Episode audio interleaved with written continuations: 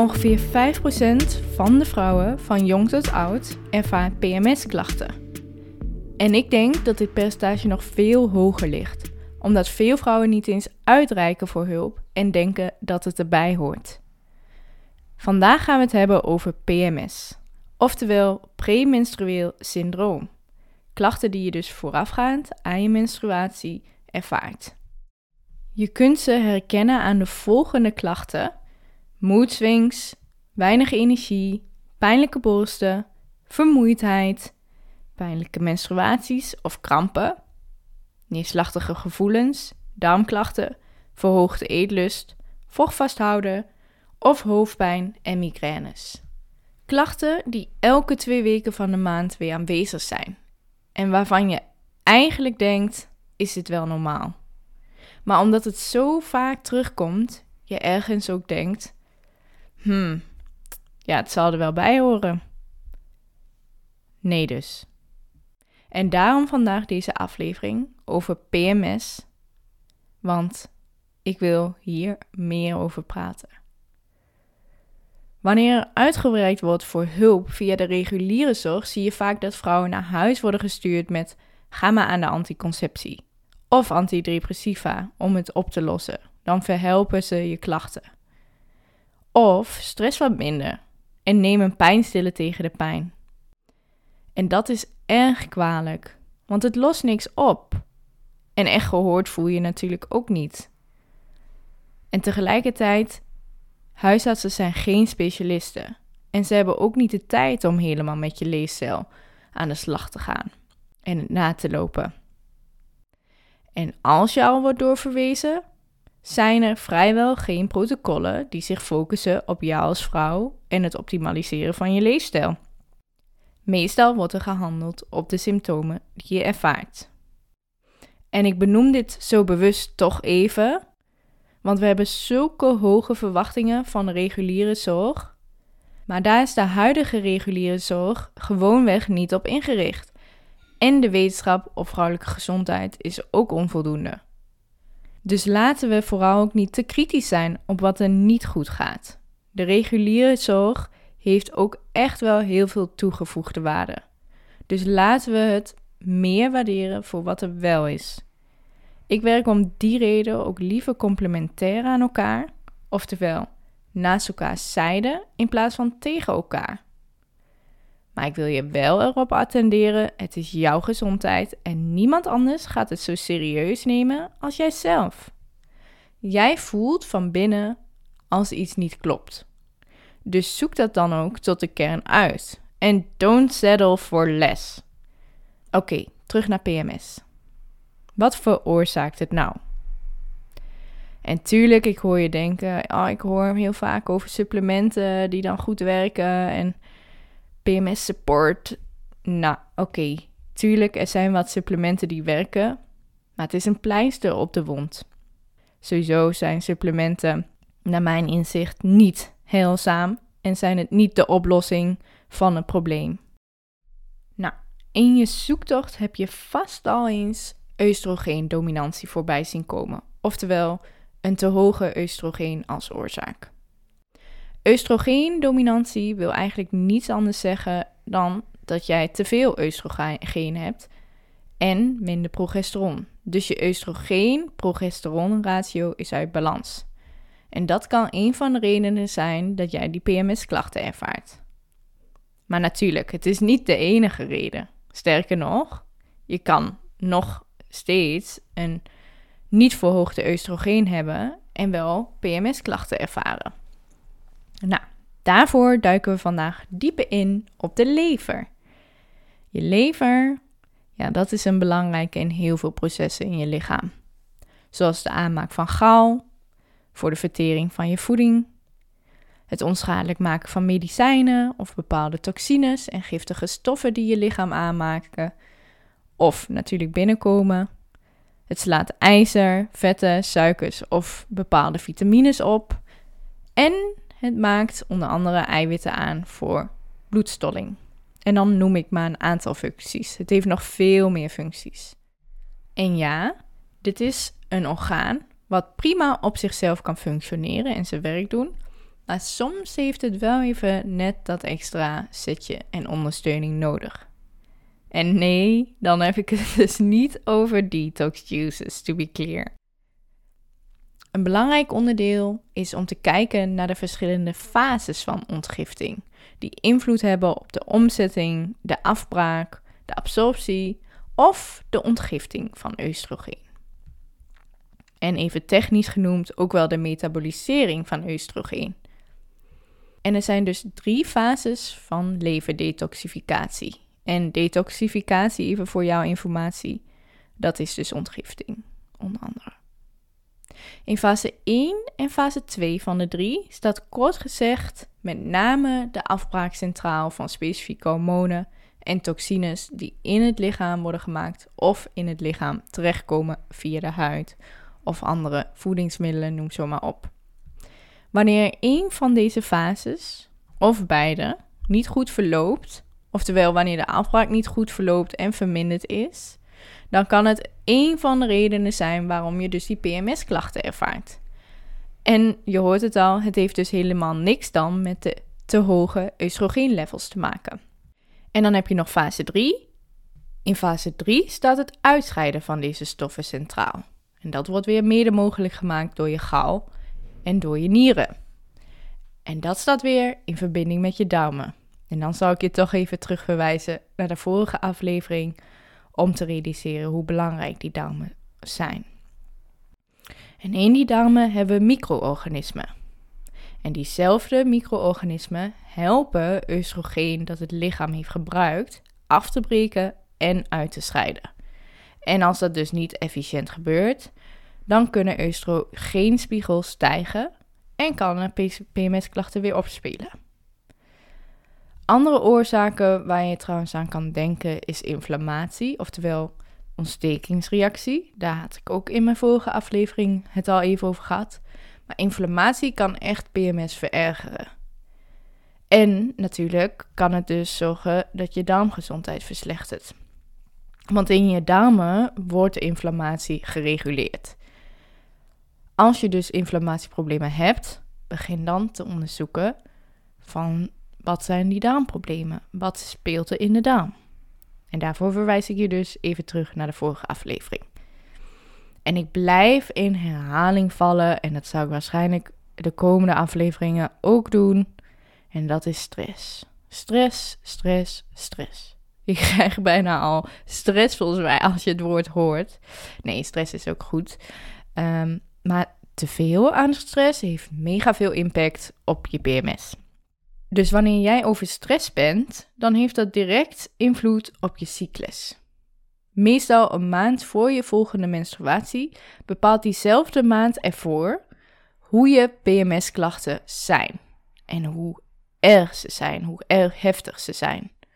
Dus wat je doet in die maand, dus hoeveel stress je ervaart, zowel emotioneel of mentaal, maar ook fysiek, dus de intensiteit van je training, zoals hitjes of row cycle, of door te weinig slaap, of de voeding die je nuttigt, zoals veel hoogbewerkte producten, geraffineerde suikers of alcohol drinkt. Al deze dingen hebben invloed op je PMS-klachten. En maken dus verschil uit in hoe heftig het is of niet. En dat maakt het ook weer heel interessant. Want dat betekent eigenlijk dat je je PMS-klachten relatief snel kan verbeteren als je een aantal aanpassingen doet in je leefstijl. Maar daarover straks meer. Ik wil nog heel eventjes terug naar de leven en het ontgiftingsproces. En hoe je kan zorgen dat dit zo efficiënt mogelijk verloopt en je die lever kan ondersteunen. En dan natuurlijk gaan we eventjes kijken naar de voeding die je leven ondersteunt. Er zijn namelijk specifieke voedingsmiddelen die je leven kunnen ondersteunen. Je kunt daarbij denken aan groene bladgroentes, je kunt denken aan radicchio, aan radijs, rucola. Noem zomaar een aantal voorbeelden op. Dit kun je trouwens ook googlen. Andere belangrijke dingen waar ik echt altijd wel naar kijk is de opname van synthetische chemicaliën en toxines die je via de huid opneemt. En ik post daar wel eens over op Instagram en dan heb ik het met name over je make-up, de deo's die je gebruikt, schoonmaakmiddelen, geurkazen en zo verder. Of course, je kunt nooit helemaal al deze synthetische chemicaliën en toxines elimineren in je leven. Maar je kan wel focussen op het minimaliseren ervan. En dat hoeft echt niet zo moeilijk te zijn. En daardoor zorg je dus wel dat die leven minder belast wordt. Dus het zijn die kleine dingen die toch echt wel werkzaam kunnen zijn. Nou, daarnaast kun je ook nog denken aan kruisbloemige groentes. Die zijn super werkzaam, mede doordat er dim in zit. En je kunt daarbij denken aan broccoli, spruitjes of bloemkool bijvoorbeeld. En die zijn heel erg belangrijk voor fase 1. En over fase 1 gesproken, dat is nog wel even belangrijk om te benoemen. Daar zijn drie verschillende soorten oestrogeen, die je natuurlijk in de juiste verhouding wilt hebben. Daar ga ik dan nu even niet dieper op in, want dan wordt het echt te technisch. Maar deze drie types oestrogeen zijn belangrijk voor de bescherming van bijvoorbeeld je eierstokken, maar ook je borsten. En daar zijn dan weer specifiek kruisbloemige groentes ideaal voor. Je kunt natuurlijk ook denken aan lijnzaad om dat in te zetten. Maar dit is misschien niet iets wat je vaak hoort, maar wel goed is om te weten. Lijnzaad kan er wel voor zorgen dat testosteron wat naar beneden kan gaan. En dat wil je natuurlijk niet uh, inzetten als je weet dat je een te laag testosterongehalte hebt. Want hey, uh, dat is natuurlijk ook ergens goed voor, uh, not to mention libido. Nou, daarnaast is natuurlijk zweten cruciaal. Bij zweten komen de afvalstoffen uit je lichaam en toxines en metalen. Nou, dat doet het lichaam automatisch sowieso door te plassen of via de huid te transpireren. Uh, maar je kunt het natuurlijk ook ondersteunen door lekker in de sauna te gaan of een warm zoutbad te nemen. Wel even goed om te benoemen, was het dan ook en spoel het dan ook even af, zodat die toxines en met metalen eigenlijk dan ook weggespoeld worden van je lichaam af. En ik zit nu even te denken, er was nog een super, super helpzame tip vanuit de opleiding die ik volgde in de US. Dat was leverpakking en dat doen ze met castorolie. En dat, dat verpak je dan op de plek waar je leven zit met een doek om je heen. En dat kan zorgen dat de bloedsomloop verhoogt en ondersteunt ook natuurlijke ontgiftingsprocessen. Oké, dan fase 2. In fase 2 zijn er echt wel wat supplementen die je kunt nemen. Ik doe daar niet te veel uitspraken over, maar één daarvan is bijvoorbeeld magnesium. En gelijk even om wat nuance aan te brengen. Magnesium werkt natuurlijk ook niet als losstaand wondermiddel. Um, dat moet ook weer in balans zijn met andere mineralen, omdat magnesium ondersteund wordt door die mineralen en vitamines. Denkend aan B6 of calcium. Dus het kan volledig nutteloos zijn als al die andere nutriënten, vitamines, mineralen niet op orde zijn. En dan hebben we natuurlijk nog fase 3 en het proces van je darmen. Wanneer oestrogeen in je darmkanaal komt, kan het of worden afgevoerd of opgenomen en gerecirculeerd worden door specifieke micro-organismen. Het enzym, de enzymen glucanase, spelen ook een belangrijke rol in het opnemen, absorberen en recirculeren van die organismen. En waarom vertel ik nou dit technische stukje? Want ja, al die woorden um, zeg je niet zo heel veel. Maar wanneer dat enzym te hoog is, die glucanase, wordt het eerder gebruikt om gebruikte oestrogeen opnieuw op te nemen. En dat is natuurlijk niet ideaal. Wanneer je een overgroei hebt aan bacteriën of infecties in je darmen, kan dat er ook voor zorgen dat die specifieke enzymen weer gaan stijgen. Dus ik zou nog eventjes in herhaling vallen, maar beluister toch even mijn vorige aflevering. Hoe je die darmgezondheid verbetert, want je hoort het al, dat is echt wel belangrijk. Nou, een aantal super simpele, maar toch wel gouden tips om dat enzym een beetje te verlagen zijn nou lekkere frambozen te nutten. Die kunnen echt bijdragen aan het verlagen van die enzymen. Maar wortelen bevatten ook goede vezels die kunnen bijdragen. Matcha voor de verbetering van je darmgezondheid, maar ook ondersteuning van de lever. En taurine, een zwavelhoudend aminozuur wat oestrogeen veilig houdt. En dat kun je dan weer vinden in vlees, vis, schaaldieren, gevogelte. Maar niet in planten voornamelijk. Voornamelijk in uh, eigenlijk dierlijke eiwitten. Nou, sowieso is het ontzettend belangrijk om te kijken naar die voedingsmiddelen, want die kunnen dus echt, zoals ik net al noemde, een goede ondersteuning bieden. En dus is het wel belangrijk om je voeding als aspect mee te nemen. Nou, daarnaast zijn het natuurlijk ook belangrijke invloeden zoals de plastic die je gebruikt en waar je je voeding in vers houdt. Daarin raad ik mijn klanten en jou dus ook aan om het echt te gaan bewaren in glas, zodat al die schadelijke stoffen niet in je eten terechtkomen, zoals microplastics, toxines, noem zo maar op. En voordat ik het vergeet, is het ook wel belangrijk om naar je histamine-respons te kijken. Want Google My is histamine-rijke producten. Dat ga ik nu ook niet allemaal opnoemen.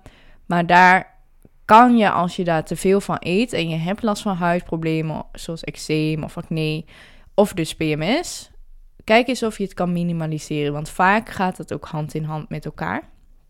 En test voor jezelf dan even wat die hoeveelheid is en wanneer je misschien wel vermindering ervaart als je die histamine-rijke producten iets minder eet. Nou, verder is uh, medicatie en het gebruik van pijnstillers, zoals paracetamol, best wel belastend voor je leven. Dat zie je ook altijd als je naar de kruidvat uh, gaat, dan geeft ze natuurlijk zo'n melding. Neem dit dus niet zomaar, vooral als het ook echt niet nodig is. En ik had het net over DIM als zijnde voedingsmiddel, maar ik zie het ook vaak gebeuren dat vrouwen dit random nemen als supplement. Maar dat is echt wel afhankelijk van de situatie waarin je zit. Want het kan echt tegenwerken en ik zie het ook echt. Het kan het echt erger maken. En die vrouwen komen natuurlijk weer uiteindelijk bij mij en dan moeten we het oplossen. Ehm, dus wees wel echt precies en voorzichtig met de supplementen die je neemt. En zorg dat je dat niet zomaar random gaat doen. Als ik dan echt iets adviseren zou, dan zou ik toch echt eerder neigen naar B6 omdat dit toch wel een van de meest onderzochte vitamines is. Sowieso voor vrouwelijke gezondheid te optimaliseren, maar ook specifiek PMS. En afhankelijk van je situatie zou ik toch veiligerwijs kiezen voor een actieve B-complex. Waar natuurlijk B6 in zit op basis van P5P. Dan moet je even kijken op de achterkant. En dat kan dus goed helpen tegen PMS. En heel eerlijk, veel vrouwen hebben overigens echt een B6 tekort. En dat kun je dan ook herkennen aan vermoeidheid, angstig zijn, acne, huidklachten. Niet je dromen kunnen onthouden is er ook een van. Veel vocht vasthouden of soms zelfs overgeven. Trouwens, vocht vasthouden ontstaat meestal ook voor je menstruatie vanwege de lage progesteron. Nou, je hebt ook Vites agnes castus. Dat kan soms helpen, maar dat is ook enkel als je prolactine te hoog is. Anders doet het ook niks voor je. En dat kan je dan weer achterhalen door wel volbloedtesten te af te laten nemen. Want dan weet je of het te hoog is of niet. En dan kun je gerichter werken. Nou, voordat je nu allemaal losse vitamines aan gaat schaffen, ik kan je echt niet specifiek zeggen: neem dit en deze hoeveelheid. Want ik begeleid je gewoon niet. En ik ken je situatie niet.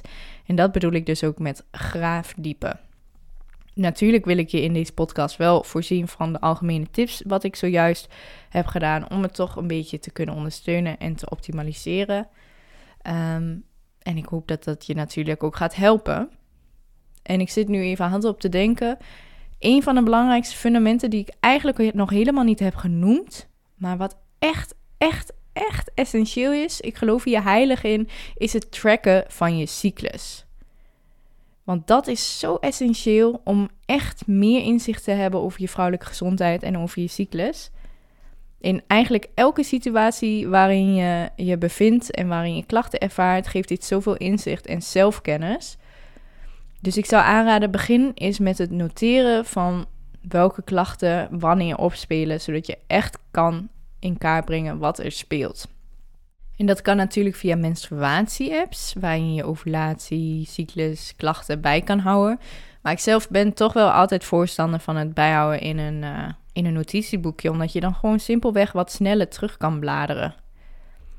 En voor de rest kan het natuurlijk ook, um, als je cyclus bijhoudt, gewoon heel veel inzicht bieden in: oké, welke fluctuaties zijn er in de hormonen in deze fase van mijn cyclus en kan ik die klachten daaraan koppelen. Dus het is best wel een cruciaal punt wat ik je echt kan aanraden om te gaan doen en niet te onderschatten. Want daardoor kom je ook veel meer in contact met je lijf en weet je echt wat er speelt. Nou, verder blijf ik toch even herhalen. Let echt op de bewerkelijkheid van je voeding en het nuttige van alcohol. Want je wil gewoon echt geen inflammatie. Maar most of all, en dan komt hij weer, onderschat stress niet. Zowel fysieke, emotionele als mentale stress. Dus dan heb ik het over de intensiteit van je sporten, over overlijdingen, over verhuizingen, over financiële stress. Of nou ja, als je niet helemaal happy bent in je leven of met je werk. Want zoals ik in mijn vorige podcast al aangeef, je kunt echt moeilijk verbeteringen in je fysieke klachten verwachten als je constant in die fight or or freeze mode zit. Dus terug naar de simpele hacks die daarbij gaan helpen: ademhaling, wandelen, ontsprikkelen en gewoon echt even ontspanningsmomenten inplannen. En als je denkt, oh, komt ze weer met die stress en het verbeteren van die rust? Ik red het echt wel en supplementen doen daar echt al wel een hoop bij. Sorry, maar dan heb je het echt verkeerd en niet begrepen. De klachten die je ervaart zullen gewoon weer terugkeren als je dat gewoon niet aanpakt. En dan beland je weer in die visuele cirkel die je dan eigenlijk gewoon zelf in stand houdt. En tuurlijk, het leven is niet te controleren en gaat nooit zoals gepland. Dus des te belangrijker eigenlijk dat hoe jij erop reageert uitmaakt. En dat je op die manier ook veerkrachtiger mee kunt bewegen met het leven. Dus neem het serieus en werk eraan. En vind je dat moeilijk ontspanning, dan is dat misschien al echt je teken dat er verandering mag plaatsvinden. Oké, genoeg voor vandaag. Je merkt het al, er is superveel mogelijk. Er is echt een hoop om je PMS-klachten te verbeteren. Zelfs als je denkt, maar ik heb echt heel veel geprobeerd. Want stiekem voel je dat verlangen toch wel. Je hebt toch ook het geloof dat het anders kan. Want anders zou je deze podcast waarschijnlijk niet tot helemaal het einde luisteren. Dus duik er toch even wat dieper in. En dat druk ik je echt op het hart. Want ik zie en weet hoe het verbeteren kan en wat dat voor impact heeft op je leven, op je bedrijf, op, op je gezin, hoe je naar je partner bent, hoe je omgaat met je kinderen. Uh, dat je toch nog net even die extra energie hebt voor sociale gelegenheid. Het, het heeft echt heel veel impact. En ik snap het, dat kan echt overweldigend voelen. Vooral met al die kennis en informatie online en al die ruis eigenlijk van wat iedereen zegt en wat het dan anders is. Dus mocht je daar verder begeleiding in willen vanuit een holistische benadering op alle facetten in je leefstijl, reik dan gewoon even naar me uit door me een bericht te sturen op bijvoorbeeld mijn Instagram, Evelune Lifestyle, of plan een Women's Health Scan in via de show notes. Dan gaan we gewoon samen kijken naar je persoonlijke situatie en wat er mogelijk is. Heb je nou specifieke verzoekjes voor een volgende podcast of vragen? Just ask of laat het me weten. Dat vind ik echt ontzettend leuk. Heb je nou veel aan mijn podcast en biedt het je nieuwe kennis of inzichten?